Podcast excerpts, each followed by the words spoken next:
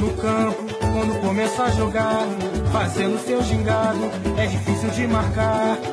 Fita pra ali, fita pra lá, fita pra cá, com a bola nos pés, ninguém consegue. Ele sabe fintar. Fita pra ali, fita pra lá, fita pra cá, com a bola nos pés, ninguém consegue lhe roubar. Velkommen til Brasserbold, den ugenlige podcast, hvor vi tager lupen frem og kigger nærmere på, hvad den brasilianske fodbold har præsteret. Alt sammen set med danske øjne. I denne uges udgave har vi rigtig mange punkter på programmet, så der er faktisk ingen tid at spille. Vi lægger ud med pokalfodbolden, hvor vi for første runde har vinket farvel til en af de helt store traditionsrige klubber. Så kigger vi på landsholdet, og landsholdets største stjerne, nemlig Neymar. Han fyldte nemlig 26 år her i sidste uge, og det gik bestemt ikke stille af sig. Men midt i festen har en tidligere landsholdsbomber meldt sig på banen med kritik af verdensstjerne. Har Casagrande ret i sine udtalelser? Landsholdets træner Chichi skal snart udtage landsholdet til det kommende VM. Indtil da er han taget på en lille Europatur for at kigge på nogle helt bestemte spillere i bestemte klubber. Vi har styr på hvem, hvordan og hvorledes. Det nationale fodboldforbund har programmet klar for den nye sæson i Serie A. Vi glæder os naturligvis og kigger programmet efter i sømne. I samme åndedrag kan vi så ikke undgå at snakke om VAR, altså videodommer, og debatten om netop dommerne. Er det godt eller skidt, og hvorfor blev det nedstemt i Brasilien? Men før de nationale mesterskaber løber af staten, skal vi lige tage et kig på statsturneringerne, hvor Copa Libertadores-vinderne for eksempel flopper. I Minas var et af favoritholdene ved at snuble, hvis det ikke var for en tidligere AC Milan-spiller. I Rio står den både på karneval og semifinaler. Det betyder, at man nu leder med lys og lygte efter et stadion, da Maracanã PT minder om resultatet af DM i pløjning. Udover optakten til semifinalen skal vi også snakke om, hvordan både hold og fodboldforbund vælger at disponere, når man skal spille kampe.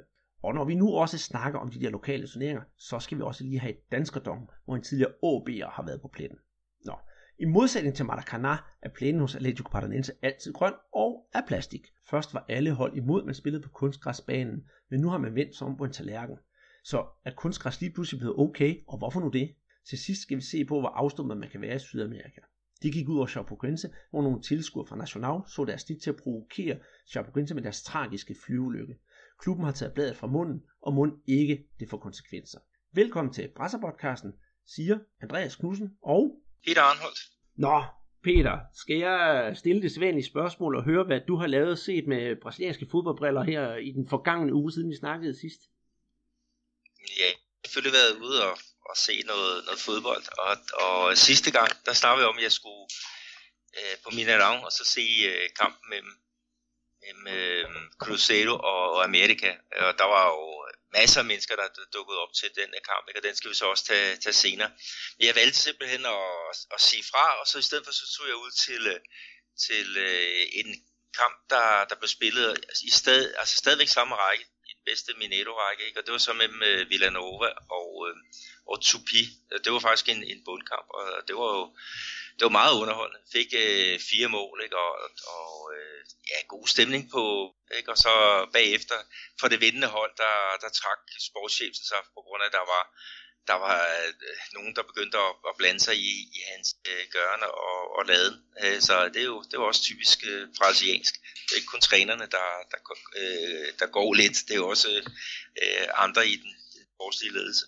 Og så ellers, øh, ja, se en masse øh, kampe på, på tv, ikke? Og, og følge med i, hvad der, hvad der sker ned, fordi som, som du endelig snakkede om, ikke? der er jo virkelig nogle, nogle, nogle spændende emner på, på tapetet. Ikke? Det med ja, videoovervågning, ikke? det med kunstgræs, øh, ja, der, vi kan jo tage det hele landsholdet med, med Neymar også. Ikke? Der, der, der er masser at, at, at, at, at kigge på der. Og, og hvad med dig, Andreas?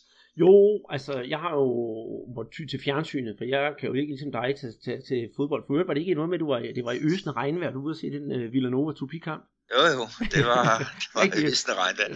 Altså vi, vi får virkelig nogle, ja, noget, noget regnskyld lige for tiden, ikke? Og, og hvis man står og venter på, hvis man står og tør, tørvejr og venter på, at det nok lige er overstået om, om to minutter, så, så bliver man snydt mange gange. Og, og, og der er jo det der med, på fodboldstadion, der må du ikke tage paraply med. Øh, så der er jo ikke andet at gøre end at og, ja, i klæde sig sådan en regnfrak, ikke? og så, så håbe, at man, man ikke får en sok på ja. vejen, fordi så, så bliver dagen rigtig, rigtig lang. Og så skulle jeg til at sige, at den Guadana, du så drak, den var fyldt med vand, så det var næsten Guadana Light. Men altså... Ja, men nu fik jeg jo taget billede, mens det lige var, var tørvejr ude på, på stadion, så, så det, blev, det blev ikke en light en, det, det, det blev en rigtig god. Jamen, det, er da, det er da godt. Jeg kan fortælle, at jeg har selvfølgelig set øh, min kære klub øh, Flamingo spille, spille fodbold. Det var ikke noget sådan synderligt brav af en kamp. Øh, men øh, en anden kamp, jeg så også så, det er vores gode venner med det uudtalelige navn URT, som så spillede mod øh, Atletico Mineiro, og den vender vi også tilbage til. Så det glæder jeg mig til at, til at snakke lidt om, selvom det ikke var sådan en sindssygt rivende, rivende stor kamp.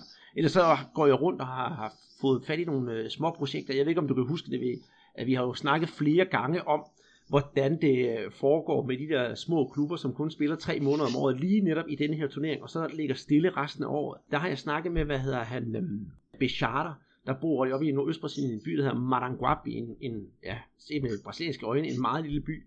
Og øh, klubben i øh, Maranguapi, som er jo er en, egentlig er sådan en halvprofessionel klub, de lider altså netop under det problem, vi har snakket om, Peter. De har kun Copa Cearense oppe i, i Ceará at spille for, og når det er færdigt, så ligger det hele dødt. Så deres sæson, det går altså fra, fra ja, januar til, til lidt i maj måned, og det er han meget bekymret for. Så jeg har regnet med, at jeg håber på at kunne snakke lidt mere med ham om den her problematik, for jeg synes faktisk, den er rigtig, rigtig interessant.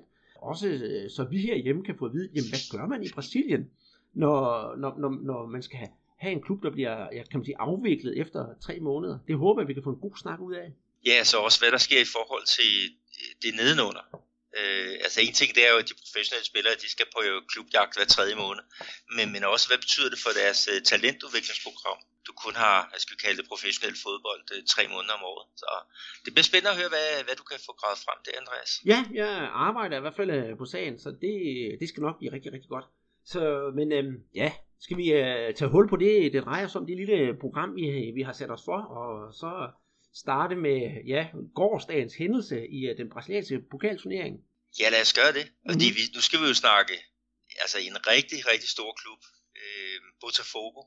Altså det var faktisk det hold, som mere eller mindre er den klub, som leverede de fleste spillere til det hold, som vandt øh, VM i ja, det 58 og, og 62, ikke? Og, og, og kæmpe navn, ikke? som, som øh, øh, ja, Jairzinho ikke? i, hvad det var så 70, men, men også Nilsson Santos, og, og så ikke mindst øh, Garrincha.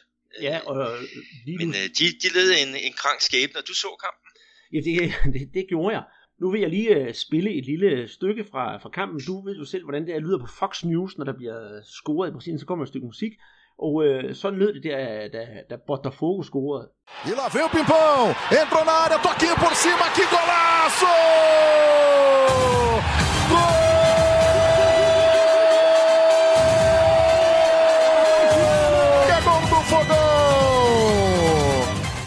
Du kan jo høre, der var jo liv og glade dage, og Botafogo de kom øh, foran mod en øh, lille klub, der hedder Aparecidense. Jeg er faktisk lidt af en tunge brækker, Peter. Og alle forventede jo bare, at dem skulle Botafogo køre fuldstændig over, fordi Aparecidense de spiller altså den fjerde bedste række. Tro det eller lad være, øh, Aparecidense har altså deres nummer 9, Nonato, en spiller, som hvis jeg skal sammenligne ham med nogen, der har spillet på dansk græs, så ved jeg ikke, om du kan huske spilleren fra AB, der hedder Frank Strandli. Jo, ham kan jeg godt huske. Ja, sådan en lidt, øh, lidt, øh, lidt kraftig type. Og Nonato, han er faktisk sådan det, man vil kalde for, ja i fodboldsproget vil kalde for tyk. Han sørger altså for at reducere for Aparecidense, og øhm, til sidst så fik Botafogo smidt deres målscorer ud, og så ender det jo værre, faktisk hverken værre eller bedre med, at Aparecidense lige 5 minutter før tid bringer sig foran 2-1, og ergo er Botafogo ude af pokalturneringen. Og Twitter har jo nærmest kogt over, siden det kamp blev spillet i aften, så i løbet af dagen med hån mod øh, Botafogo, fordi det er jo altså, øh, altså der, er, der er sådan lidt øh, brøndby skagen over det her. Ja, det er, det er jo en voldsom øh, nedtur, og, og det vi også skal have med, det er, at, at her i den første runde af pokalturneringen, der, der spiller de jo så kun øh, ja, en kamp, og det lille hold har hjemmebane. Men, men der er den specielle regel, at, at ved uafgjort, så er det så udholdet, der, der går videre til næste runde. Altså der er ikke noget med, med straffesparkskonkurrence. Det er der så først i den anden runde, øh, hvis, hvis der er, er uafgjort. Øh, det er igen hvor der skal spilles kun over en kamp. Og så senere hen, så mener jeg, at tredje runde, så er det så ude og hjemme, der, der spilles der. Men, men at, at uh, Botafogo, de ikke kan få i hvert fald en, en uafgjort med øh, hjem derfra, ikke? Det, det er jo virkelig kritisabelt. Og, øh, og så også sige, at de har jo mistet nogle, nogle spillere, altså Bruno Silva, som var som jernlungen på holdet sidste år. Han er jo så nu i, i Cruzeiro, øh, og øh, de mistede også deres ja, det er måske den vigtigste person, øh, øh Jair Ventura, træneren, så, som nu er i, i Santos. Men øh, at de, de bliver nødt til at åbne for, for pengepunkt, øh, folkene i Botafogo, fordi det var i hvert fald ikke godt, det deres, deres, øh, deres trup viste i, i den her relativt lette kamp. Ej, det, det kan jeg da give dig fuldstændig ret i. Og på et tidspunkt under kampen, der så jeg noget statistik, øh, og det var netop boldbesiddelse af Botafogo. De havde øh, 68% af boldbesiddelsen mod øh, ja, øh, modstanderhold, altså ah, Aparecidenses øh, 32%. Og når man så også så det, altså chancerne, de, de, de var jo rigtig mange til Botafogo, men de formåede jo bare overhovedet ikke øh, at, at lukke og slukke den her kamp. Og hvis man nu, når man så kampen, altså det her stadion, det var virkelig, altså, ja, Serie D mod, mod Serie A, også med, med belysning, og hvordan det hele var, var, var sat op. Nu ved du selv, hvordan det er at gå til fodbold, for eksempel, du er ude se Tupi, det er garanteret sådan nogenlunde det samme, det stadion, jeg mener, op, op i, i, i Nordøstbrasilien, og det er jo en katastrofe, altså, altså i, i, i første runde mod et Serie D-hold, det, det er sådan noget, der ikke må ske, og jeg tror også, lad os nu se, hvad der sker i Botafogo, du siger, at de skal åbne for pengepunkt, men jeg tror også, der kommer nok til at ske nogle konsekvenser en eller anden slags her i løbet af nogle dage efter det her nederlag. Ja, der er i hvert fald øh, pres på lige fra, ja, fra dag et nærmest. Altså nu skal vi jo også senere hen snakke om, hvordan det er gået med dem i, i de regionale mesterskaber i, i Rio. Øh, men, øh, men den her, den, den trækker jo gevaldigt ned. Jamen det gør den. Og jeg vil så sige, når vi kigger på, øh, på, på pokalturneringen, øh, der er altså ikke andre kan man sige, interessante kampe, der er værd at snakke om, fordi de fleste af holdene vil være fuldstændig ukendte for danskere, men lige den her, det synes jeg var så vigtigt, at vi skulle trække frem, at nu er der altså et tophold, der, der er røget ud, så pokalturneringen på godt og ondt, den lever altså også i bedste vis i, i Brasilien, og på en eller anden måde, så selvom det er uacceptabelt, at Botafogo ryger ud, så synes jeg alligevel, det er lidt sjovt med sådan en, en overraskelse allerede på nuværende tidspunkt. Ja, det er jo det, der er det gode ved pokalfodbold, og øh, de der overraskelser kan komme, og man har jo taget lidt af, af det der overraskelsesmoment ud senere hen i turneringen. Altså, øh, i og med, at, at, øh, at så er det over to kampe. Det synes jeg et eller andet sted er, er lidt, øh, lidt ærgerligt. Altså, jeg kan meget godt lide, når, når pokalfodbold afgøres over, over én kamp. Ikke? Altså, selv øh, finalen pokalturneringen, det er jo også ude og hjemme. Ja, det er rigtigt. Og, og det er jo lidt voldsomt ikke, i forhold til, når man tænker på, hvor mange kampe øh, klubberne i forvejen skal, skal spille. Øh, men, øh, men det, det, det laver man ikke om på øh, forløbet, og det er nok også øh, hensyn til de små klubber, de kan komme lidt mere i aktion. Vi skal også sige, Andreas, at, at de hold, som spiller med i Copa Libertadores, øh, de, er, de står her i de første ja, mange runder. De, de kommer først ind i, jeg tror det er 8. delsfinalen.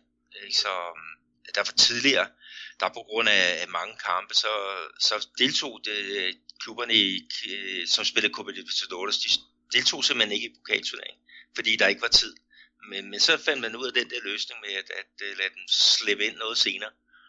Og øh, jeg mener faktisk de sidste tre år, så er det hold, der har spillet med i Copa Libertadores, som også har sluttet øh, højst i turneringen. Og, og det, er jo, det er jo nogle stærke hold, fordi det giver jo nogle, en, en, en, en stærk, øh, hvad hedder det, stærkt hold i Copa Libertadores her til næste år. Mm pokaltitel, det giver, jo en, det giver jo en plads der. Ja, så det er jo selvfølgelig også noget af de store hold, jeg rigtig, rigtig gerne vil have. Det kan vi jo ikke komme udenom. Det er ligesom, ligesom man siger herhjemme, at pokalturneringen er den letteste vej ud i Europa. Og det vil det jo altså også være, nødvendigvis være i, i, i Brasilien. Men øh, fra pokalturneringen skal vi så kigge lidt på, på det kære landshold. Ja, fordi at, øh, der har vi jo en, ja, måske den vigtigste person. Øh, han har jo fejret fødselsdag. Ja, og øh, det er jo vores øh, gode ven Christian Alblad. nu sidder vi og griner en intern joke. Det er simpelthen Neymar, det drejer sig om. Og øh, ja, I, jer, der kender podcasten, ved, at øh, DR's korrespondent Christian Alblad har været igennem en gang imellem, og han har faktisk fødselsdag på samme dag som øh, Neymar. Ligesom for det Cristiano Ronaldo og Sven-Jørgen Eriksson. Ja, det er jo nogle store navne, som øh, Alblad han blander sig i der, men vi kaldte ham jo også for øh, uh, DR's øh, svar på, på Neymar, og det, det tror jeg, han blev sådan rimelig godt tilfreds på, eller med i hvert fald. Jamen, øh, hvem ville ikke være det? Jamen, han har jo selvfølgelig rundet de 26, og det blev jo fejret med, på alle mulige måder, især også på de sociale medier. Alle ønskede ham bare øh, tillykke med fødselsdagen på den ene og på den anden måde. Men øh, det er jo ikke alle, der er altså, kan man sige, lige glade for Neymar og hylder ham øh, lige så meget som øh, alle fansene, og vi måske også gør. og øh, det drejer sig nemlig om øh, den tidligere topspiller Casagrande. Vil du løfte sløret lidt for, hvad han sådan render rundt og, og mumler om i krogene? Ja, fordi at, at han har jo taget fat i, i det der ømme punkt i forhold til det der med at, at vinde guldbolden. Altså hvad skal der til før, at, at Neymar han bliver kåret som den, den bedste spiller? Og øh, der har Casagrande, eller Casan, som han også bliver kaldt, store, store, øh, det store hus, Øhm, han er jo, har jo så sagt, at, at øh, Neymar han må altså til at ændre nogle ting på, på, på banen. Øh, han sammenligner det lidt med, med Cristiano Ronaldo, som for nogle år tilbage var en spiller, som der var ikke var nogen, der kunne lide. Men, men nu er han sådan blevet sådan mere eller mere sympatisk øh, øh, sådan hen ad vejen. Og det er jo også det, han, han siger, at, at det, det må Neymar tage fat i. Altså han må, han må komme væk af den der øh, bås, altså med det, al den der antipati, som, som omkranser ham. Øh, han fortæller episoden der med, med Cavani. Øh, det var ikke noget, der, der pyntede.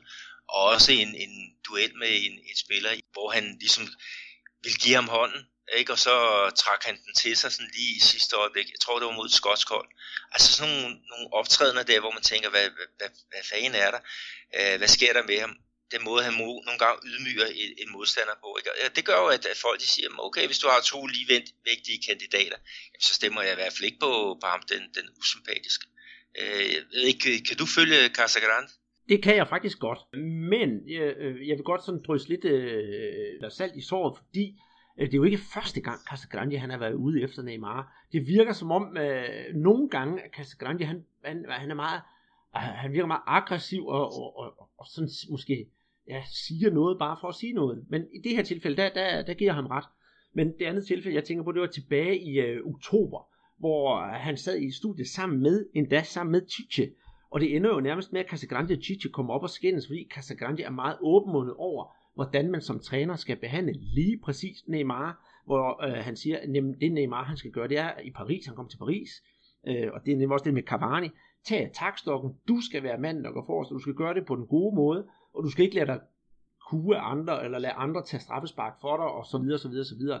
Og så siger han det til Chiche, hvad, hvad, hvad, hvad synes du, han skulle gøre? Og hvorefter Chiche, han tager altså bolden op, han kan altså godt finde ud af at svare for sig, og det synes jeg egentlig var ret godt, fordi Chiche, han er utrolig velformuleret, det, det synes jeg. Og han svarer godt fra sig og siger, at nu skal du huske, kære ven, det er trænerens job, og i det her tilfælde, når det er på landsholdet, så er det mig, der er træneren, og jeg skal nok styre Neymar. For han snakkede også om, at han synes, Neymars problem, det var det der, at han fik alt for mange øh, dumme frispark og divede op på midtbanen, hvor det slet ikke er nødvendigt.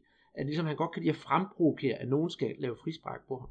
Jamen det er, en god pointe, altså der hvor det er vigtigt for ham at, at hive et frispark ind og, og få, få, hvad kan vi kalde det, flow i, i spillet. Øh, men men øh, altså jeg, altså jeg, jeg synes det er fedt at folk de, de, de tager, tager nogle, nogle ting op, men, men altså alt hvad, hvad Neymar han, han gør og, og laver, det bliver jo taget op til, til diskussion. Øh, altså nu her med, med fødselsdagen. De spiller om lørdagen, hvor de vinder 3-0 over Lille, og han scorer sit mål nummer 350 i karrieren. Ikke? Så er han inviteret til et kæmpe galafest i, i Paris. Jeg tror, der er 150 mennesker. Øh, blandt andet også øh, en, en masse folk fra, fra hans, hans klub. Og så også nogle celebrities, som er fløjet ind fra, fra Brasilien, ikke? og Neymar betaler jo øh, for deres ekstra omkostninger. Og en af dem, der er med der, det er selvfølgelig hans kæreste Bruna øh, Marquisini. Så, så det kommer der i gossip ud af. Og, og Unal, som er træneren for, for PSG, han er jo blandt andet blevet spurgt om, hvordan han havde det med, at, at Neymar han arrangerer sådan en fest et andet sted midt i, i turneringen. Ikke? Og der, der synes jeg, at Unal han svarer meget fint. Altså, det, er jo, det har været godt for holdet, det er godt for spillerne at, og, og, og, hvad hedder det, og, at, at feste lidt. Øh, selvfølgelig inden for, for visse rammer, ikke? Og, og Neymar han skulle så også stå over i den der pokalkamp, som var her i går tirsdag, hvor man førte øh, slog et hold fra anden division med, jeg tror det var 4-1 eller rimelig stort. Men, men altså alt hvad han, han laver og gør, ikke, det, det skal jo op til, til debatter, skal vendes på, på en vægt for at sige, om det er okay eller, eller det ikke er okay. Og så lige en anden ting, som var meget sjov faktisk i forhold til hans, øh, hans fødselsdag, det var i en bygning på Champs-Élysées, i Paris, der var der altså sådan et lysshow. Ja, et lysshow. Der var i hvert fald sådan markeret nej øh, 26, som for at, at, at hylde øh, ja, Paris' øh, øh, konge, eller hvad man skal kalde ham øh, efterhånden. Men, men øh, i, i forhold til alt det der med, med hvis, hvis Neymar skal blive verdens bedste. Altså, jeg tror også, der skal justeres på, på nogle knapper, men man skal ikke lave om på en, på en, en, en person. Altså, øh, hvad var det, Ricardo han sagde, at, at hvis du selv som træner har problemer med en spiller, så har modstanderen det i hvert fald også, og, og man må, skal ikke tage kanten af, af, af, af spillerne, men man skal selvfølgelig guide dem, således at de, de løser det til holdets bedst. Mm, og der tror jeg simpelthen, at Chichi han er den perfekte mand til at gøre det, hvad, hvad, hvad, hvad landsholdet angår. Og så synes jeg da også, at ja, ja, lad dog, lad dog øh, den unge mand holde en fest. Men måske, Peter, det kan også godt være, at øh, når, når øh, herre, herre fru Frankrig, de sidder og ser det, og herre fru Brasilien sidder og ser, at Neymar han holder en kæmpe fest, hvor han får fløjet gæster ind hjemme fra Brasilien, at de får lidt, for at sige det på godt dansk, ondt i røven over alle de penge, han har. Og så skal alt jo vendes og drejes og sige, så kan du ikke gøre det, så kan du ikke gøre det. Altså, det er lidt misundelsen, der måske kommer op. Og så kom jeg også til at tænke på, sådan, nu du snakker om det med fest, at øh, det skulle måske have været mere ligesom med, med det gang med Ronaldinho, hvor han kom til Flamengo, hvor der var en Barcelona-spiller, der blev spurgt, hvordan han skulle klare sig i Brasilien, og efter Barcelona-spilleren bare havde sagt, at han skal bare have en time søvn i døgnet, så kan han feste resten af tiden. Ja, det, det er jo rigtigt. En god, glad øh, Ronaldinho, han gav jo altid øh, øh, opvisning. Men, men øh, det, det bliver i hvert fald øh, spændende at, at følge Neymar i, i Paris. Ikke? Og jeg tror, altså nu vil jeg snakke om det der, at han måske skal til Real Madrid og, og alle de der spekulationer. Øhm, det første år, altså det, der, der kommer der ikke til at ske så meget andet, end han, han bliver der. Og, og hvis Paris de vinder Libertador, er slået af Champions League, øh, og Brasilien de, øh, de, de vinder VM, jamen, så, så bliver han nummer et i verden, uanset hvor, hvor, hvor usympatiske ting, han kunne finde på at lave i, i de her, øh, hvad skal vi kalde det, i sådan personlige opgør, der er inde på, på banen. Mm, det, det kan jeg faktisk kun give dig ret i. Og øh, nu vi snakker om at blive verdensmester med landsholdet, så øh, ligger det sådan, at øh, det, det brasilianske landshold, de er altså gået i, øh, i træningslejr for at finde en, øh, en, en fjerde angriber. Og øh, det har CBF selv skrevet på deres, øh, på deres hjemmeside, og det er faktisk ret, ret interessant, for i denne her uge, der er Chiche sammen med sin øh, assistent, de er taget til, øh, til Europa for at kigge på nogle kampe, og øh, de kampe, der skal kigges på, det er for eksempel i Spanien, hvor Silvino, det er hans assistent, han skal kigge på nogle øh, kampe med Real Sociedad, og den spiller, de regner med, han øh, kigger efter, det er jo så pressen, der kommer med det. Det er jo selvfølgelig øh, William José, som er tidligere São Paulo-spiller og har også spillet i øh, Gremio. Så skal han en uh, tur til uh, Tyrkiet, hvor han skal kigge på uh, Besiktas. Og i Besiktas der er der to brasilianere. Undskyld. Den ene det er Taliska, og den anden det er Wagner Love. Jeg tror personligt ikke, det her Wagner Love, han kigger efter, for så det, det skulle nok være et, et, et, et wildcard af de større. Tror du ikke også det, Peter? Ah, men det er Taliska. Ja, det, skal kigge. Mm. Så er det en uh, tur tilbage til, til Frankrig, hvor vi har Malcolm, og øh, der har vi også øh, forsvarsspilleren Pablo, som er ex-Corinthians-spiller. Og øh, i Brasilien, så har øh, Titi jo været set til flere kampe i Brasilien, blandt andet i øh, São Paulo Santos og øh, Palmeiras Cruzeiro.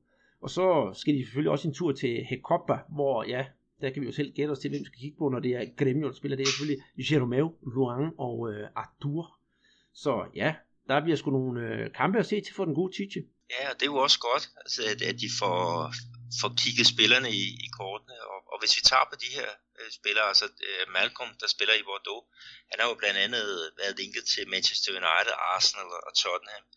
Øh, 20 år, øh, 26 kampe og, og 8 mål her i, i år. Ikke? Og, og han er jo, altså han, er jo en, en ung fyr, øh, som også var med på, på 20-landsholdet, hvor han blandt andet kæmpede med, med Kennedy fra, fra Chelsea om, om øh, positionen øh, helt frem. Det gik ikke så godt. De blev altså slået ud af, af at de kvalificerede sig ikke til VM øh, med, med, med det kul øh, der. Men det var i hvert fald, der virkede han sådan lidt, øh, hvad skal vi kalde det, sådan lidt nemmere at læse, den gode Malcolm, men han har altså til synligheden udviklet sig. Jeg har ikke set øh, så mange øh, kampe i, i Frankrig. Øh, og så, ja, Taliska, er 24 år, 29 kampe, 12 mål udlejet fra, fra Benfica.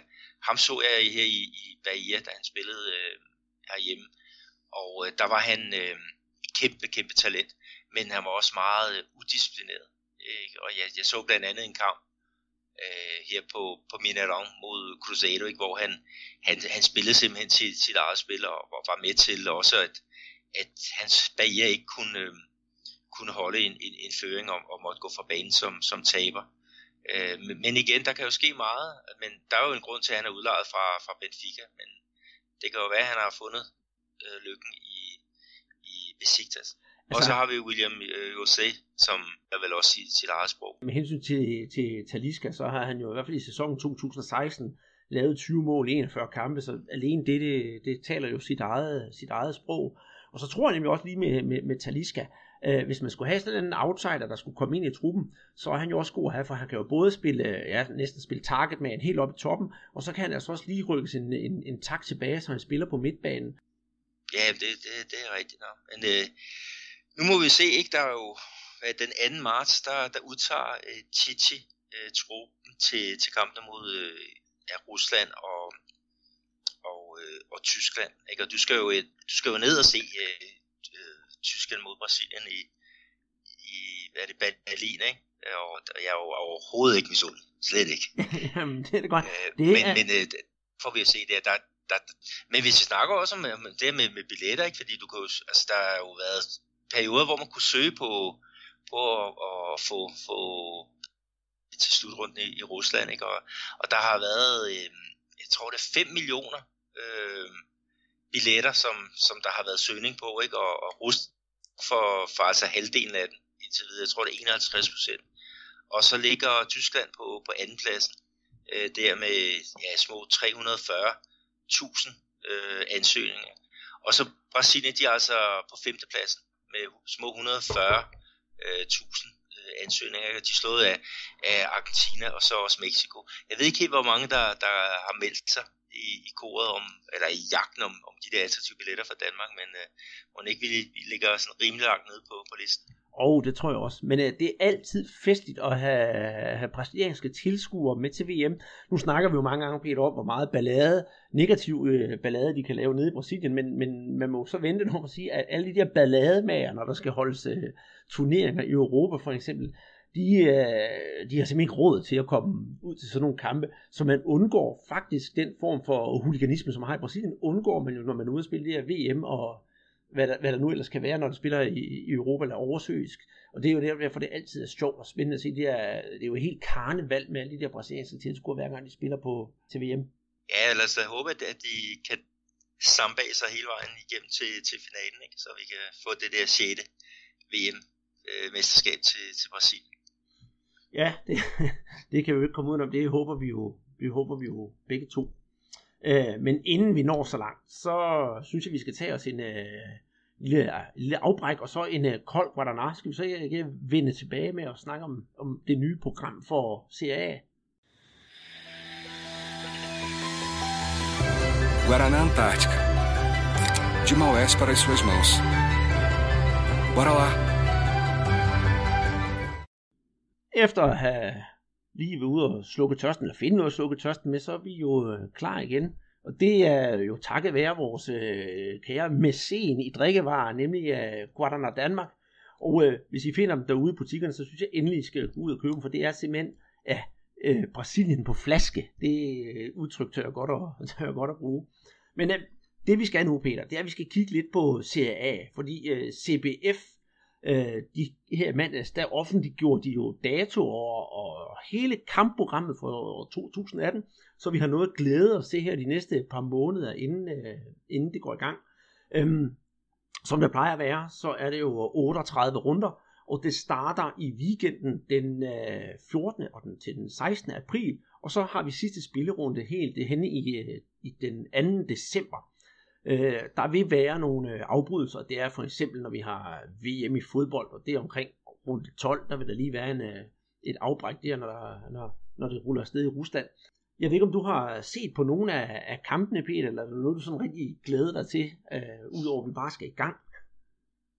Jamen, jeg, jeg, jeg synes selvfølgelig, det er, det er tidligt. Altså, i, ja, senere, eller tidligere år, ikke, der var det jo i maj måned, man, man lagde, lagde ud med, med Serie A, men, men for mig så er det fint nok, at vi, vi kan komme i gang, og, og hvis det stod til, til Vejk, så havde vi jo heller ikke rigtig regionale mesterskaber, men så kørte vi jo bare ren Serie A øh, over hele året. Men øh, nu er det jo Brasilien, og de kører jo deres, øh, deres sæson. Så jeg glæder mig til at komme i gang med, med, med Serie A, og det ved jeg også, du gør. Det gør jeg. Skal vi så lige få sjov skyld og narestreger tage øh, kampene i den første runde? Ja. Det, så kan du se, øh, om der er nogen, du synes, du, du siger, det skal jeg bare se, det glæder jeg mig til. Øhm, de to første, der møder hinanden, det er Cruzeiro mod øh, Grêmio, Atletico Paranaense mod Chapecoense, América Mineiro mod Sport Recife, Vitória mod Flamengo, Vasco mod Atletico Mineiro, ah, der kom noget for dig der, Botafogo mod Palmeiras, São Paulo mod Paraná, det er jo oprykker, og Santos mod uh, Ceará, der også er oprykker, og så har vi Corinthians mod Fluminense og Internacional mod Bahia. Øh, jeg ser allerede her i første runde, der er altså nogle lækkerbiskner, som vi kan glæde os til. Ja, for søren. Altså Cruzeiro mod Grêmio. Altså, det er jo to hold, der, der kæmper med i Copa Libertadores. Ikke? Og øh, ja, Grêmio jo vandt turneringen sidste år, og Cruzeiro, de har jo trappet op på, på trupfronten, så, så de vil også være, være bejler til, til det. Og øh, det er jo ikke mere end, end et kvarters gang herfra, så, så der vil du se mig i, i den første runde. Jamen det kunne jeg godt, øh, det kunne jeg levende øh, forestille mig. Øh, hvis der er nogen, der så skulle sidde derude og tænke på, jamen hvornår kommer de der store clash, af de der kæmpe opgør, hvor vi har de her rivaliserende øh, hold fra samme stat. Det sker altså først i, i, i den femte spillerunde. Og der er der klassikere, der kommer virkelig kommer at spille Botafogo mod Fluminense, Corinthians Palmeiras, og så Grenau øh, kampen, som vi altid glæder os til, det ondeste opgør i, uh, i Brasilien. I 6. runde, så er det altså Flamengo mod Vasco, Atletico Mineiro mod Cruzeiro og São Paulo mod Santos. Altså, ja, når det først går i gang, så, så bliver det rigtig godt, og jeg sidder allerede nu, du kan næsten høre det, når jeg sidder og læser det op, de her, af, af hvor meget jeg glæder mig til det. Det, det kan du roligt regne med, Peter.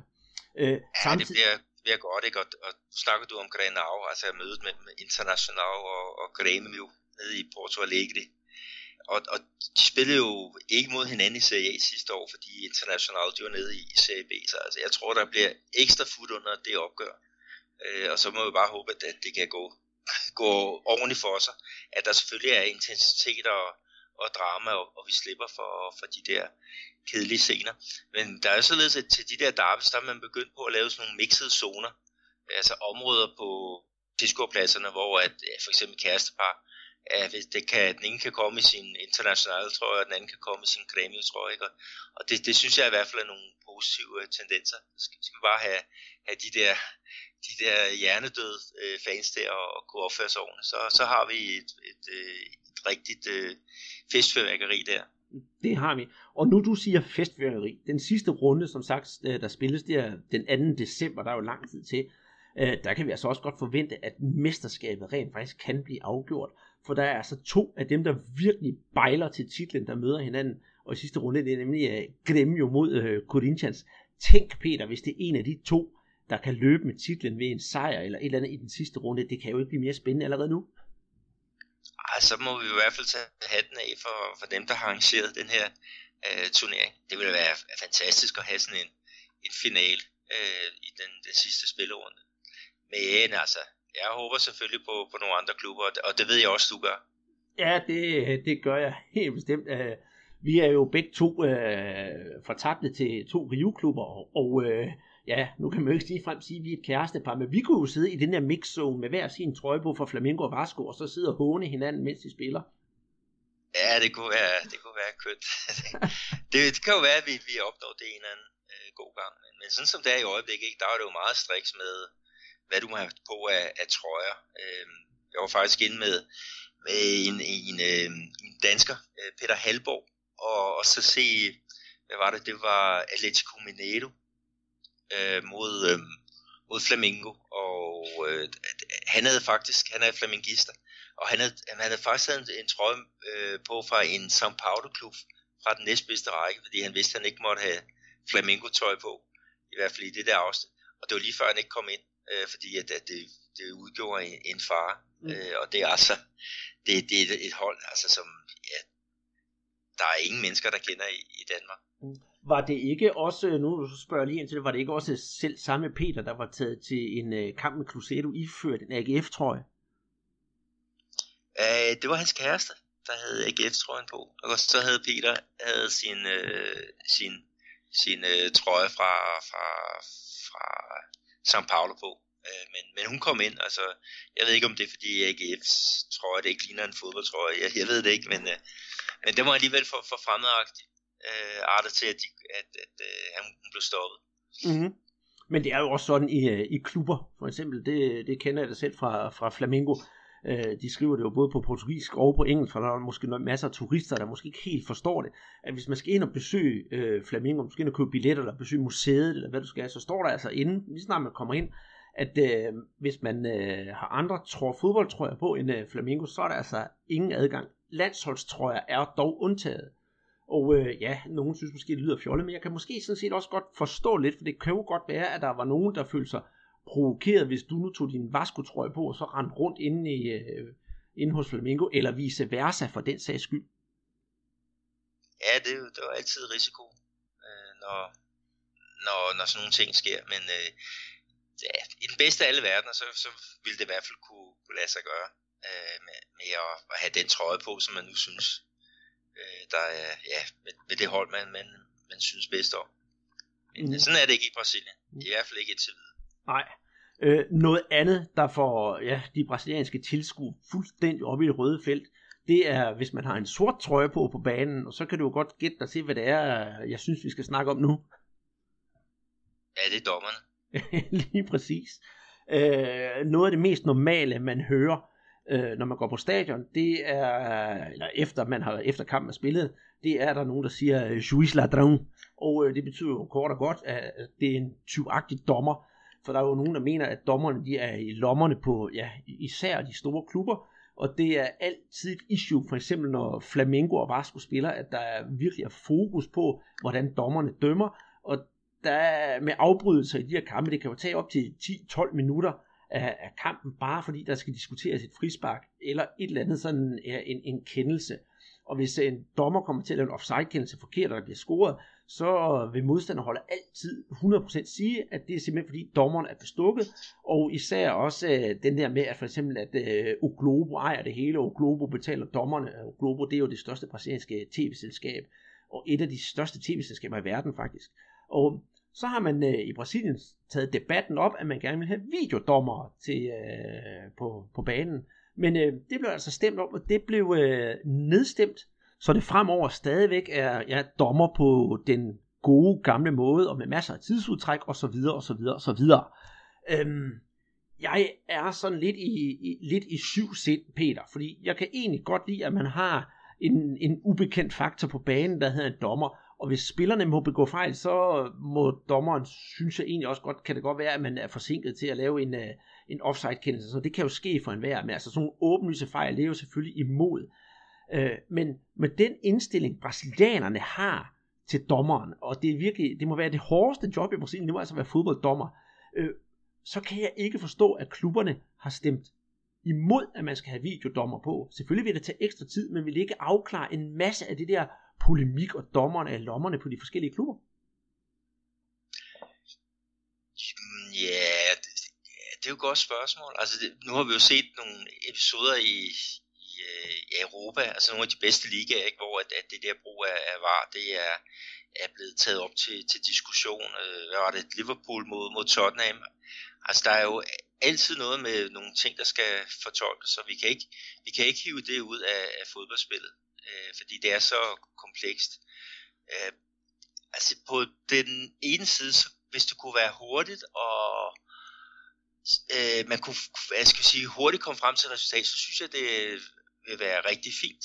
Øhm, men det der også er, er problemet, det er, at, at øh, Brasilien, der er der blandt andet, jeg tror, i effektiv spilletid, der ligger vi 6 minutter under, under snittet i, i, Europa.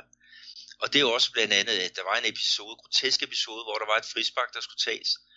Øhm, altså det er uden brug af alt det der var og, og, og det der. Men det var simpelthen en dommer, øh, som ikke kunne få, få spillerne til at markere ret, og det var et, der var noget med en mur, der skulle stilles op, og jeg tror, det var noget med 10 minutter, det, det tog at få, få den der øh, øh, mur stillet op og få afviklet det der frispark. og i forhold til det der med var, altså jeg kunne forestille mig, at hvis dommeren han vil ud og kigge på, på nogle videooptagelser, så for det første skal han bane sig vej øh, blandt øh, første indholdsspillere, øh, spillere, og så skal han så bane sig vej øh, tilbage på banen, øh, hvor, hvor det hold, der føler sig bortdømt, at de vil gøre alt for at diskutere. Altså jeg tror virkelig, at det kan være en, en et, og, og jeg bryder mig ikke om nogle kampe, hvor vi har, hvad skal vi sige, ekstra spilletid på, ja, på 10, 15, 20 minutter, ikke? og det, det er jo ligesom der, hvor jeg, jeg kan se øh, problematikken. Øhm, så det skal være hurtigt, og det skal være, være effektivt, og spillerne fra begge parter, øh, begge klubber skal respektere det. Så kan jeg godt se en idé i det. Så er det selvfølgelig også med hensyn til, til pengene, ikke? hvem skal betale. Ja, jeg er glad for, at du netop nævner det der, hvem der skal betale. For konspirationsteorierne, de er jo kraftige i Brasilien, ligesom uh, hetsen er mod dommeren. Uh, man siger jo, at der er nogen, der siger dernede, at det er simpelthen CBF, der har været med til at, at skubbe på, at det ikke skulle vedtages, det med, det med videodommerne. For man snakker om, at det vil koste i hvert fald klubberne mindst 1 million realer, og det vil også koste CBF en masse, masse penge. Og øh, ja, som øh, vi ved jo, hvordan det er i, i Brasilien, så er der nogen, der siger, jamen CBF, de vil hellere bruge pengene til at stikke dem i egen lomme, end på at bruge dem på, på, på videoovervågning, på, eller ikke videoovervågning, på videodommer. Og øh, ja, Romario, om man ved det eller ej, den kære mand, han har jo også været ude og brokse og sagt, det kan simpelthen ikke være rigtigt, at man ikke skal have, have videodommer i Brasilien. Men på den anden side set, Peter, det havde han måske også sagt, hvis der var stemt for. Ja, det var det, var det med, med Romario. Øh, men øh, han er jo altid øh, ude med, med Rive. Mm. Øh, men, men jeg, jeg, altså det vigtigste, hvis man indfører det der var, det er, at det skal, det skal fungere, og det skal fungere fra, fra dag et, fordi hvis det ikke gør det, så kommer der bare endnu mere gang i de der konspirationsteorier. Mm. Men, men, og, øh, ja. men det kunne være, at man skulle starte i det stille, og så bare indføre målteknologi for eksempel. Det ved jeg, det, det, det er altid debat, var bolden inde, eller var den ikke inde, og så er der en dommer, der dømmer bolden ind. Så er man jo startet et sted, og målteknologi, der er jo ikke noget at diskutere. Nej, jeg ved, jeg ved, jeg ved ikke helt, hvor langt man er, er fremme med, med det, Andreas, men øh, det er da i hvert fald en god ting, at det har været brugt ved, ved VM, mm. ikke? og øh, det, det virker til, at det, det fungerer rimelig godt. Og hvis, øh, jeg kommer også til at tænke på, at hvis det fungerer andre steder, så kunne det være, at Brasilien skulle være med på moden, fordi Brasilien var jo faktisk et af de aller, aller første lande, hvor jeg så, man brugte det der barberskumsspray, når der var frispark. Og det har de jo haft mange år i Brasilien, før man fik indført det ja, her i Europa. Og det har jo altid virket dernede. Men i det hele taget, så synes jeg også, der at man måske skulle lave en holdningsændring hos spillerne, også i Brasilien, og sørge for, at dommerne fik mere respekt, og den respekt, de fortjener. Fordi dommerne, som jeg siger, det er jo nok et af de værste og mest udskilte folkefærd i, øh, i Brasilien. Og så er det jo klart, hvis spillerne bare tror, at de hele tiden kan ja, provokere dommeren ved at sige et eller andet, eller skal have omstødt en dom, så, så bliver det jo bare værre. Ja, det, det, det, det går ligesom et eller andet på, at, at, øh, at hvis dommeren han dømmer én ting, så skal de andre gøre opmærksom på tre andre ting, som han ikke har dømt. Og jeg ved ikke, om det er fordi, de vil prøve at opbygge et eller andet, øh, sådan, åh, du skylder også et eller andet. Men, men det, det er noget helt øh, bevidst, ikke? og vi ser jo mange gange de der 3-5 spillere, der, der omringer dommeren. Og, og jeg håber også bare, at, at, øh, man kan få det stoppet, men, men øh, det, kræver, det kræver nogle kort, det kræver noget, noget konsekvens. Ikke? Og øh, det har man ikke været i stand til at, at, at, skal vi sige, at, at indføre øh, nu. Så det, det er jo også en af grunden til det der med var. Jeg, jeg frygter det, hvis det, hvis det kommer til. Selvom jeg selvfølgelig også på den anden side håber, at Brasilien kan være, være med til at, at få det der øh, produkt, få det øh, fint pusset, således at det fungerer mm. optimalt. Og netop også det her, Brasilien er jo også et land, hvor, hvor tidsudtræk det nærmest også er en officiel sportsgren. Øh, det er jo også meget populært at trække tiden ud, for eksempel i kampen i Copa Libertadores, når holdene fra de lavt liggende områder skal op og spille i højderne oppe i bjergene, der bliver tiden jo trukket alt, hvad rammer og tøj over hovedet kan holde, og der er det jo simpelthen for at få, få pusten imod de der hold fra ja, Bolivia, og hvor de ellers kommer fra op i Colombia op i højderne. Ja, vi har også noget, noget andet, Andreas. Altså, det målmændene, de er mere skrøbelige øh, nu til dags, end de var før i tiden. Fordi hver gang der er en redning, så skal de jo behandles øh, bagefter. Og vi har også spillerne, øh, øh, der skal skiftes ud. Altså det sker jo hver gang via øh, det der såkaldte golfvogn. Øh, øh, og det, det tager jo bare tid at få, få sådan en øh, bil ind og, og ud. Og, og jeg håber et eller andet sted også, at man kan få lavet noget, hvor man siger, okay, hvis en spiller forlader banen med, med en golfvogn, så kan den spiller, der kommer ind øh, i stedet for ham, han skal altså vente til det, det næste spilstop igen, øh, således at de kommer til at spille i hvert fald nogle minutter med en, med en mand i, i undertal. Og så er jeg sgu ligeglad med, om, om han har brækket benet, eller han, han ikke har. Altså, jeg synes, øh, jeg synes bare, det skal være en, en, en, øh, en konsekvent regel. Ja, jeg giver dig fuldstændig ret. Det er simpelthen for, for, for slattent. Men øh, skal vi lukke videodommeren herned, og så gå videre til, til næste punkt? Ja, fordi øh, noget af det, som, øh, som man også snakket om, der er en ting også, vi skal have fat i, øh, det er også i forhold til turnering. Der har vi helt glemt, at, øh, at CBF de har tilladt, at man kan lægge fem kampe øh, uden for, for en stat. Øh, og øh, det betyder, det er så ikke lige de sidste, sidste seks spillerunder, men det betyder, at, at for eksempel hvis, øh, hvis Flamingo eller ja, en anden, det er São Paulo, øh, de har lyst til at spille deroppe i hovedstaden Brasilia øh, på, på Manicarense, det er kæmpe stadion, så har de mulighed for at, at lægge op til fem kampe øh, der. Og det var jo forbudt øh, sidste år. Men altså de sidste fem eller seks spillerunder, der skal man spille kampene inden for, for ens øh, egen øh, stat. Og det synes jeg også er en, en vigtig ting at, at, at få med her. Øh, og hjemmebane, der har jo det der med kunstgræs. Øh, sidste år, jeg tror, i forrige år var det vist, der forbød man, at, øh, eller der sagde man, at øh, turneringen 2018, der vil kunstgræs blive øh, forbudt. Men de 20 hold, der nu spiller i, i Serie A, de, det er jo så også dem, der har stemt om, om var.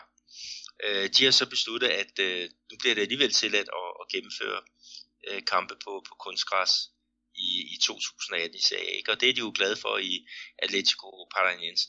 Jo, jo, men Peter, det er jo også, ah, det, jeg tror også, det har noget at gøre med, at dengang de fik øh, deres kunstgræsbane i Atletico Paranaense, der var alle de andre hold jo hunderede for, at nu fik de jo et uindtageligt fort, og de kun kunne spille, øh, altså de ville spille dårligere på kunstgræsbanen, og Atletico Paranaense ville have en, øh, en kæmpe, kæmpe fordel. Og det har jo vist sig, at øh, det har de jo reelt set ikke. De spiller jo fuldstændig lige så godt som alle de andre, og lige så dårligt som alle de andre. Så kunstgræsset har ikke nogen reel betydning for spillet, lige netop for Atletico Paranaense. Nej, det er jo også det sjove, altså, fordi i 2016, der Atletico Paranaense, de tabte kun én hjemmekamp ud af 19 på, på kunstgræsset. Øhm, og det var i den aller, aller sidste kamp, øh, at det skete. Øh, derimod i 2017, der har de altså fået seks hjemmebane-nederlag ud af 19 kampe. Så det gør jo også, at, øh, at øh, den der fordel, som man snakker om tidligere, at den, altså man har fundet ud af, at de er altså menneskelige her med at gøre, ikke? og dermed så kan man også tillade det at spille på, på kunstgræs. For Genova, øh, det store øh, VM-stadion oppe i, i Salvador, de snakker også om at indføre kunstgræs nu.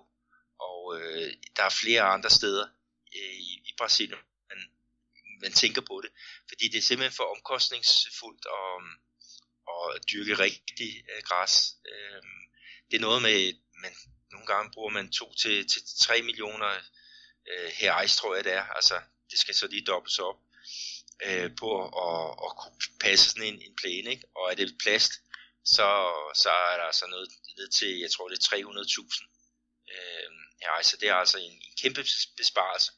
Øh, plus man kan bruge arenaerne til, til koncerter og noget, uden at man skal, skal grave, grave det hele op. Det er, det er rigtigt. Og nu du snakker om øh, arenaer, der bliver brugt til koncerter, skal vi så kigge lidt på de her statsmesterskaber, hvor netop vi har sådan lidt et øh, stadionproblem i, i Rio, hvor der skal spilles øh, semifinaler. Ja, lad, lad os gøre det. Fordi i, i Rio, hvis vi lægger ud der, der er man jo nået frem til, øh, til semifinalerne. Og øh, som du... øh, jamen, så har man jo problemer med at, at finde et sted, hvor man kan spille de her øh, kampe. Det, det er der nemlig. Øh, der har været noget koncerthaløjse på, på Maracanã, så det ligner faktisk en, øh, en pløjeba, pløjmark af en anden verden. Og øh, det ene semifinal, det er netop mellem Botafogo og øh, Flamengo. Den anden er mellem Boavista og Bangu. Øh, men den her klassiker mellem Botafogo og Flamengo, der har der været meget debat om, hvor den skulle spilles.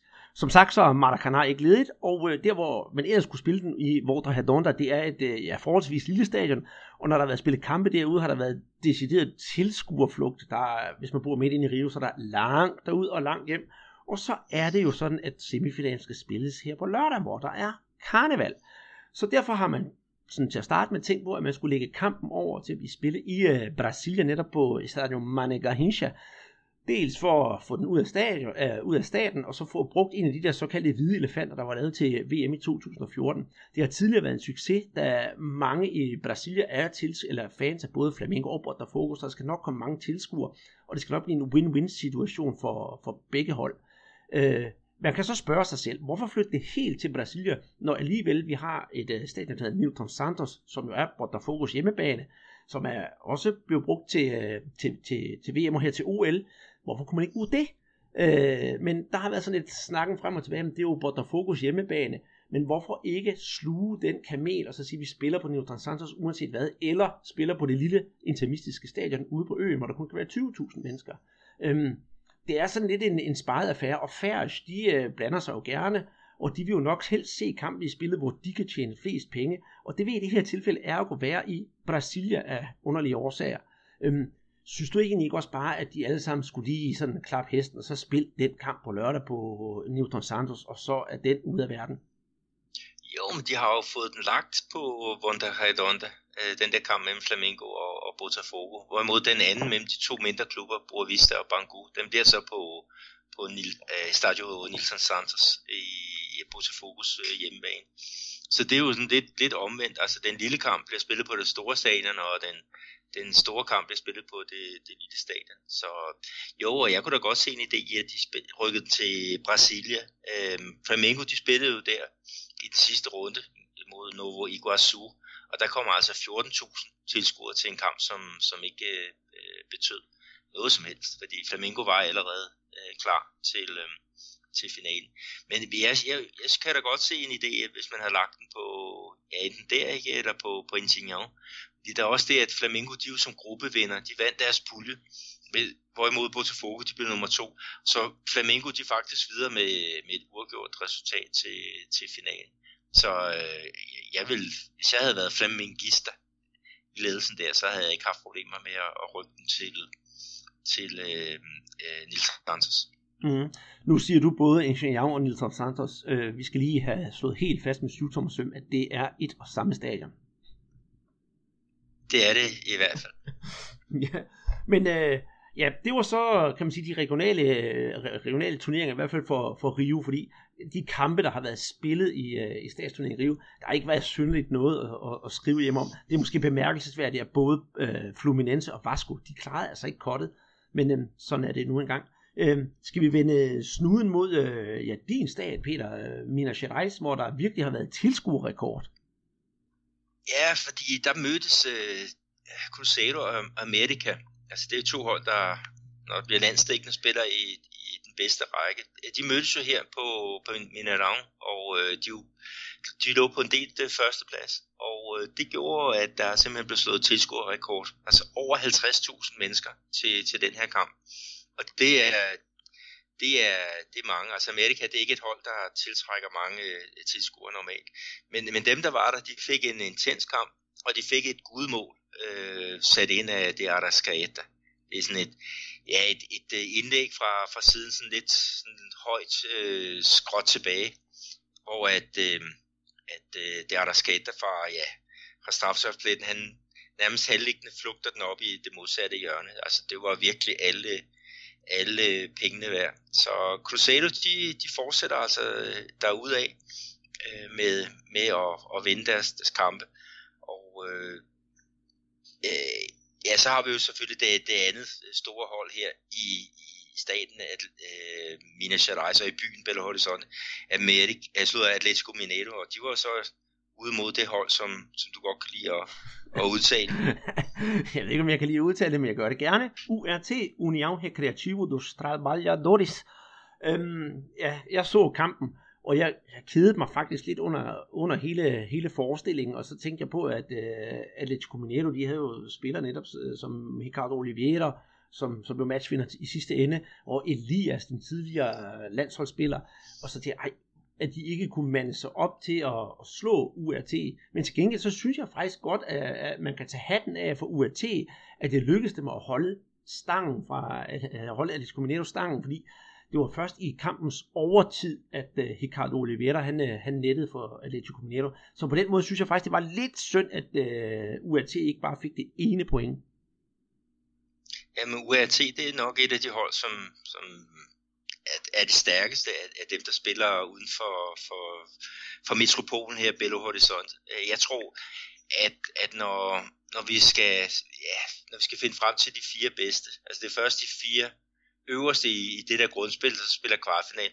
Jeg tror, når vi når til semifinalen, så tror jeg, at UAT de er sammen øh, i, i det, kun sammen med, med klubberne her fra, fra Belo Horizonte.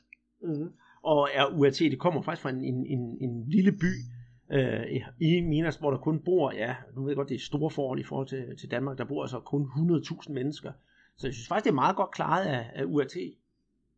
Ja, men de, de har jo også et, øh, altså de har et godt landbrug, altså det er jo kendt som regionen, der producerer majs, og der er den anden klub deroppe i, i, i den by, øh, Marmoré. Øhm, øh, når de spiller mod øh, URHT, så, så bliver det jo kaldt øh, Classico de, de Milio, øh, og, øh, og øh, der, der er altid krig på, på gaflen, når, de to hold de skal, skal mødes. Mm, og Milio, det skal vi også sige her, det betyder majs. Men hvis vi kommer bort fra majsnakken, så skal jeg sige, at øh, i ligaen her, der er Cruzeiro er på førstepladsen med 13 point, America Mineiro med 10 point, Atletico Mineiro med 8 point. Det er altså de tre store i staten. Og så kommer netop på fjerdepladsen UAT også med, med 8 point. Så de altså holder sig fast, og de skal, jamen jeg tror, som du siger, de skal nok øh, kvalificere sig. Ja, så i bunden, der på sidste plads, der er Tupi. Øh, den var jeg ude at se her forleden, og Demokrater. Øh, de ligger så på næst sidste pladsen. Dem så jeg så i, i ja, sidste eller forrige mandag har det så været. Men der var den der lille historie også med, med Tupi. De ligger i, i Justi de øh, som er ja, fire timers øh, kørsel herfra. Og der var jo nogle, øh, for nogle år tilbage, der spillede de jo en, en kamp om at rykke op i, i CEC, var det. Og øh, øh, de havde en, ja, de skulle bare vinde kampen øh, på, på hjemmebane. Jeg kan ikke lige huske, hvem det var, de, de spillede mod. Men øh, de havde en gyld mulighed for at afgøre kampen, hvor at, at øh, en angriber han simpelthen har frit skud. Men så ind fra højre, øh, der indtræder simpelthen øh, udholdets massør, og han agerer simpelthen øh, målmand i, i to tilfælde, og, og, øh, og redder bolden. Så, så øh, der blev simpelthen ikke øh, anerkendt øh, et, et, et mål i den der situation, og spillerne, og jeg ved ikke hvad fra Tobi, de jagtede simpelthen den der massør, der sprang over bander og, og søgte ly i, i omklædningsrummet. Øh, det, det er i hvert fald den situation, jeg husker allerbedst med, med Tobi. Det endte så heldigvis med, at, at forbundet de, de trådte ind og, og simpelthen erklærede Tobi som, øh, som vinder.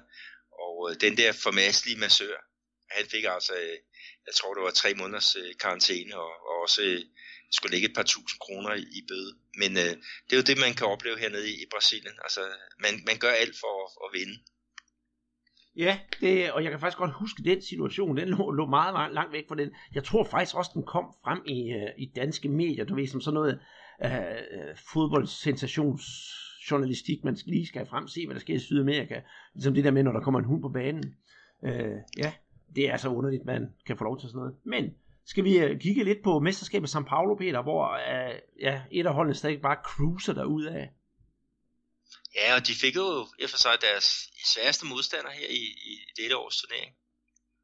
Ja, det er de to hold, vi snakker om. Det er Palmeiras, der, som har cruiset ud, og som har vundet alle deres kampe, indtil videre fem kampe.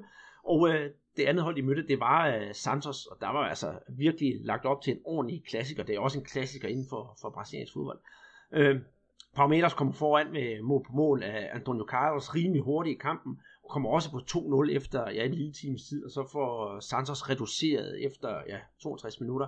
Og så var der selvfølgelig også det klassiske gule kort til Felipe Melo. Så alt er vel som det plejer? Ja, det må man sige. Men øh, altså, det lader til, at, at de har meget godt styr på det, Palmeiras, og det, det bliver da spændende at, at følge dem fremover. Og så deres, deres angriber, ham der blev kåret til øh, Sydamerikas bedste spiller i, når var det, det var i 16, øh, Borja, han, øh, han kom også på tavlen, og og det, det lover jo godt, at, at øh, deres er det, øh, fremmeste målskytte, han, han også er varm, fordi det var han sandelig ikke sidste år. Helt bestemt, det, det kan jeg kun give ret i et andet hold, som også har, har fået gang i, øh, ja, i maskineriet, det er jo Corinthians, efter nederlag i deres aller, aller første kamp mod Ponte Preta, der har de altså vundet deres øh, resterende kampe. Men det er jo ikke, øh, udover San Paulo, så har det jo ikke ligefrem været, været sådan en stor sejr netop over Novo Horizontino. Det er jo et hold, som, ja, udover os, så er der vel ikke ret mange, der kender det i Danmark. Der fik de jo kun en, en 1-0 sejr. Så det lugter lidt af, at det er det samme Corinthians, som vi så sidste år. De vinder deres kampe, men det er jo ikke med store sejre. Nej, det, det var rigtigt. Altså, det var det, det, vi kritiserede den for sidste år, at de fik ikke rigtig lavet sådan, ja, 2-3-0. Altså, de fik ikke, ikke rigtig brilleret. Det var mest noget med en kompakt defensiv, og så arbejde med, med kontra.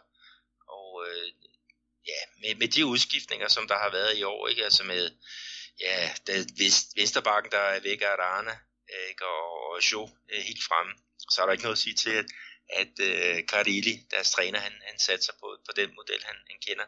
Må ikke de, de får ud, udviklet øh, deres, deres spil.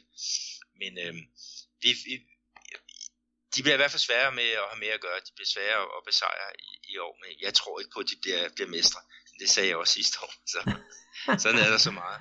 ja, det kan jeg kun give dig ret i. Og sidste år, der tror jeg heller ikke, jeg var en af dem, der sagde, at Corinthians blev mester. Jeg tror, vi begge to troede mere på, ja, var det ikke også Flamingo, og, og især også skulle genvinde titlen. Øh, jo, det var vores favoritter her. Ja. Hvis vi kigger på stillingen, så vil jeg lige tage med San Paulo. Øh, de vandt 2-0 over Botafogo. Øh, ikke Botafogo fra Rio, men, men, øh, men Botafogo her fra, fra den her delstat. Men hvis vi kigger på stillingerne, så er der jo fire puljer, og der kan vi sige, at, at øh, fire puljer med fire hold i hver, og Corinthians, São Paulo, øh, Palmeiras og Santos, de fører alle sammen øh, deres puljer, så det er jo lige som, som det skal være. Der er jo stadigvæk en del kampe igen. Jeg tror, der er 11 kampe igen af, af grundspillet, inden vi så går i gang med, med knockout-fasen. Mm. En anden stat, hvor et af virkelig favoritholdene overhovedet ekstra til, det er jo i Campeonato Gaúcho, helt nede i Sydbrasilien. Og øh, der har vi en, øh, en pulje med, med 12 hold, og der ligger Gremio fuldstændig håbløst i bunden. Øh, de har tabt igen, så de har kun et point efter fem spillede kampe. Og Peter, til at starte med, der snakker vi om, at de stiller op med, med et B-hold. Øh, det gør de vel jo sådan set stadigvæk, men jeg kan bare ikke forstå, hvorfor de ikke prøver at få en lille smule gang i maskineriet, og så prøver at spille sig ind. Jo, det, det var rigtigt de fire første spillerunder. Øh, der stillede de med, med reserver. Men, øh, men her øh, til den her kamp mod Cruzeiro fra Rio Grande do Sul, altså ikke Cruzeiro her fra min stat, øh, Minas Gerais, der tabte de faktisk øh, 1-0 på, på hjemmebane, og de stillede med, med så godt som, som øh, ja, hvad der kunne, kunne stilles med. Det var med Jeromel, det var med, med Luang, og de havde altså nogle, nogle gode chancer for også at, at, at komme på måltavlen, men øh, Cruzeiros målmand, han havde en, en god dag, og, og de er ikke helt deroppe i de omdrejninger, hvor de, de skal være. Øh, de fik længere ferie af de her spillere, øh, samspillere, på grund af, at, at øh, der var mange kampe i december med, med VM for, for klubhold. Så de skulle lige have lidt ekstra tid at, at gå på, men øh, det ser ikke særlig kønt ud med, med Grêmio nede i, i bunden med, med bare et point efter fem kampe, men, men internationalt, de, det er heller ikke fordi, de kører øh, derudad. Ej, det, det, gør, det gør det bestemt. De ligger altså på fjerdepladsen. De tabte deres sidste kamp her mod øh, Brasil de Pelotas. Men for at vende tilbage sådan lidt øh, kuriosum her med, med, med den her Gremio-kamp. Øh, vi har jo tit snakket om, Peter, at folk de hedder simpelthen de mest underlige ting, og vi har jo haft det der med, med Everton og Everton og Everton. Øh, her for Cruzeiro, som øh, Gremio mødte. Er du klar over, at de havde en spiller, der hed Ben Hur? Jo, jo, det, det ved jeg godt mærke i, ja. Og øh, jeg blev faktisk også mærke i deres målmand fra, fra Cruzeiro. Han, hedder, han skulle nok hedde David, men øh, på den måde, man skriver det i Brasilien, så er det stavet D-E-I-V-I-T-Y, så Davici. Så det er jo virkelig fantasifulde navne, man har givet de spillere. Ja, jamen, der er jo der er jo ikke nogen stavekontrol her, der kan, kan opfylde noget som helst. Øh, brasilianerne, de staver jo bare som, som det udtales, ikke? og vi havde jo også, var det Lineker, øh, som er opkaldt efter den, den engelske VM-topscorer, ikke? L-Y-N-N-E K-E-E-R, tror jeg det er. Det er jo også, øh, ja, altså det er jo, det er jo sjovt, det er, det er jo Brasilien. Nå, men, men stilling, Andreas. Vi, ja, vi skal tilbage på sporet, inden det går op i, uh, i brasiliansk sprog og navne. Øhm, som sagt, 12 hold. Og top 4, det hedder på førstepladsen Caxias med 13 point. Nummer 2, Brasil de Pelotas også med 13. Øh, nummer 3, 10 point, San Jose. Og så International på fjerdepladsen med 9 point. Og så de to hold i bunden, som rykker ud, det er Novo Hamburgo og øh, Gremio. Og vi skal lige have med Novo Hamburgo. Det var faktisk dem, der vandt øh, turneringen sidste år. Så det er jo også øh, noget af en, en nedsur, som, som de er igennem lige BRT. Men, men der er stadigvæk en, en masse kampe igen. Uh, der er jo ja, 12 hold, og ja, vi mangler 6 kampe, så vi er ved at være halvvejs. Så det er nu, der skal sættes ind for at, at redde, uh, redde turneringen. Jo, jo, jeg tror nok, de skal selvfølgelig nok også nå det, men, men det virker bare lidt påfaldende, det med Glemjo, der, der er langt bagud. Øhm, nogen, der kan score, det er jo øh, det lille segment, som, øh, som du var med til at starte op, det der danskerdong, for der har vi jo en enkelt nyhed, Peter. Ja, Kajke, øh, den tidligere OB, han har fået hul igennem i Bahia. Øh, de spillede i, i øh, den der Copa øh, Nordeste, altså den der øh, svær statslige turnering, som omhandler alle de store klubber i den øh, nordlige og nordøstlige Brasilien. Der kom han øh, på tavlen her, øh, og det var mod Altos. Øh, ikke, et, ikke en klub, som jeg kender øh, særlig godt, men, men han er nu efter tre kampe, så har han noteret for, for et mål, og, og det, er jo, det er jo fint. Altså målmænd, eller angriberne, de, de lever jo af at, at score mål. Det er jo lige præcis det, de gør, og vi glæder os kun, når det er en, øh, angriber med dansk fortid, der har scoret et mål i, i Brasilien. Og husk på, vi skal nok følge op på alle de spillere, som spiller i, øh, i Brasilien, som har haft øh, en baggrund i Danmark, netop Kajke, Bruno Batata og så videre. En af de andre spillere, som vi også har snakket om netop, det er øh, Luis Carlos, og ham har du en øh, lille sjov historie om, Peter. Ja, altså han, den sidste kamp, der startede han godt nok ude på, på bænken, men han kom ind og, og lagde op til, til et af målene i, i en 4-0 sejr. Men med hans klub, uh, San Raimundo, de har skrevet kontrakt med en uh, anden angriber, der ikke, uh, ja, han har jo det navn, der hedder, eller kælenavn er det, Chocolati, og det kan du jo oversætte. Ja, den ligger lige til højben, det er jo chokolade. Det er det nemlig så. Og jeg er jo spændt på det der, om, om det så betyder, at øh, præsidenten i Sejhamundo, han siger, at de vil hæve baren den fortjener vist en af den her slags. Nå, Peter, vi skal til at slutte podcasten af, og det skal vi altså gøre desværre i et sådan lidt øh, alvorligere emne. Det var jo sådan, at Chapecoense var ude at spille Copa Libertadores her i, øh, i sidste uge, og de spillede mod National, og det er ikke så meget resultatet, vi skal snakke om her, men det er mere Nationals tilskuer, hvordan de opførte sig. Og øh, det var meget triste nyheder at se, at øh, man kan genere klubberne på mange måder, men den måde, som nogle af de her nationaltilskuere, de øh, gjorde grin med Chapecoense og flystyrte på, det synes jeg var noget af det mest usmagelige, jeg længe har set. Ja, det var, det var grimme scener. Øh, en fra, mm, fra fangruppen øh, fra National, han, hedder, han har faktisk meldt sig på banen, Nicolas øh, Correra. Øhm, han, han øh, agerer simpelthen, øh, imiterer et, et fly, øh, som så ja, crasher. Og, øh, og det er jo på Arena Condá, altså der hvor, hvornår var det, det var december 2016, ikke, hvor at, at, at man, man havde sådan en, en, øh, en mindehøjtidlighed for, for de 71 mennesker, som, som døde i, i det her øh, flystyr. Øh, jeg vil så lige sige, at National, de har altså smidt øh, Nicolas Guerra ud af, af fanklubben, og han har også selv været på banen og beklaget øh, hans, øh, hans ageren. Øh, men, men vi ved jo ikke helt, hvor den vil, vil slutte, fordi at, at Chapecoense, de, de er altså øh, de er ikke helt tilfredse med, med, øh, hvad der er sket indtil videre. Nej, og det kan jeg egentlig også godt forstå. Og øh, øh Chapecoense, de er gået til Komebol og, og og vil høre, om de kan simpelthen få smidt National ud af turneringen på grund af, af denne her episode. Øh, jeg har det lidt ambivalent med det, Peter. Det skal jeg være helt at sige. Jeg synes, det er så forkasteligt, det der er sket, men er det ikke lidt for høj en straf, hvis man vil have udelukket et hold bare på grund af sådan en episode? Var det ikke bedre at sige, hvad det var, øh, ja, 6 point straf eller noget af den stil? Åh, oh, det, det, det synes jeg også. Altså, øh, man har fat i, i den ene af de her øh, to øh, banditter. Det er jo ikke, ikke kun et fortal, der, der var med på, på den her. Ikke? Og, og, og han har fået et eller andet sted en, en straf. Det kan godt være, at han skal have en, en højere straf. Øh, det kan også godt være, at nationalt de, de skal tages øh, til indsigt for, hvad, hvad de der folk gør, men, men forestil dig, at, at, øh, at øh, når man spiller de her kampe, så hører man så bare fem øh, gorillaer, der står og, og laver de der flystyrt øh, scener, ikke? Og så går man hele vejen til, til finalen på, på det. Altså jeg, jeg synes selvfølgelig, at de skal straffes, øh, national. Øh, de skal have en bøde, de skal måske fratages et eller andet med, at de ikke må have tilskuer med til udkampe i en periode. Ikke? Og så skal den heller ikke, øh, heller ikke være længere. Øhm, når øh, Chapecoense, de skal ikke vinde trofæer ved at, at køre walkout, og så smide det der øh, øh, tragediekort. Øh, jeg kan godt forstå, at de er oprørte, men, men øh, den skal også lande, for at bruge et godt udtryk, øh, lande, landes godt, den her øh, ja. sag. Jeg er fuldstændig enig med dig. Øh, ligesom sidebemærkning, så kan vi da sige, at kampen den endte faktisk med, at Chapecoense de tabte 1-0. Øh, så skal vi lukke ned der? Ja, vi skal så sige, at, at øh, nu skal de jo så mødes i aften i returkampen i Montevideo.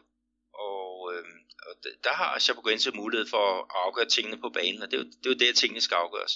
Vi har jo så også det andet hold, Vasco. Øh, de skal jo også i aktion her i, i aften i den her anden runde af kvalden til, til Copa Libertadores øh, gruppespil, ikke? og de har jo 4-0 med fra, fra den første kamp i Chile, så de skal bare gøre arbejdet færdigt her i, i aften. Men, øh, men øh, ja, altså, hvis Chapecoense de skal videre til, til den tredje og, og sidste kvalrunde, så skal det være på, på baggrund af, af spil på banen, synes jeg.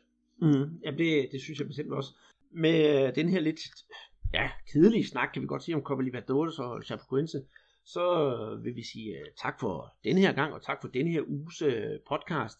I næste uge, der har vi uge 7, og øh, Peter, du skal til karneval, og jeg skal på vinterferie, så øh, der springer vi altså lige podcasten over. Men så anbefaler jeg, øh, hvis man ikke har gjort det, så kan man jo høre en af vores, synes jeg selv, fremragende specials, om det er snakken med Morten Brun, vores, ja, Chapecoense special, eller hvad det nu kan være. Gå ind og lytte ind på SoundCloud, eller hvor man henter sine, sine podcast. I samme ombæring, så synes jeg også, det kunne være dejligt, hvis folk gad gå ind på, enten på følge os på Twitter, eller følge os på Facebook. Især på Facebook, for der kommer rigtig mange informationer i løbet af ugen. Og øh, selvom ja, du skal til karneval, og jeg skal på ferie, så lover vi, at der skal nok blive opdateret ind på Facebook-siden. Og du øh, twitter jo også på livet løs, Peter. Det synes jeg også, det er værd at følge med i. Og så... Ja, men altså på Facebook, der er vi jo op, øh, vi har rundet 400 øh, likes, øh, og det er jo sindssygt glade og stolte over. Ja, og hvis jeg øh, lige må prale lidt på, på vores egne vegne, så har jeg set, at øh, pressechefen for netop øh, den gode klub UAT, han er også begyndt at følge os, så der er nogle brasilianske klubber, der har lidt øje med os dernede fra. Ja, det er der med, at vi skal til at skrive på portugisisk. Ja, ja, så er det godt, der er oversættelsesfunktion på Facebook. Men husk også at gå ind på uh, iTunes og give os en rating derinde, det vil blive frygtelig, frygtelig glade for. Og med de ord siger jeg er Andreas Knudsen og Ida Arnholdt. Cabeçada, toca a música, é gol da Aparecidense!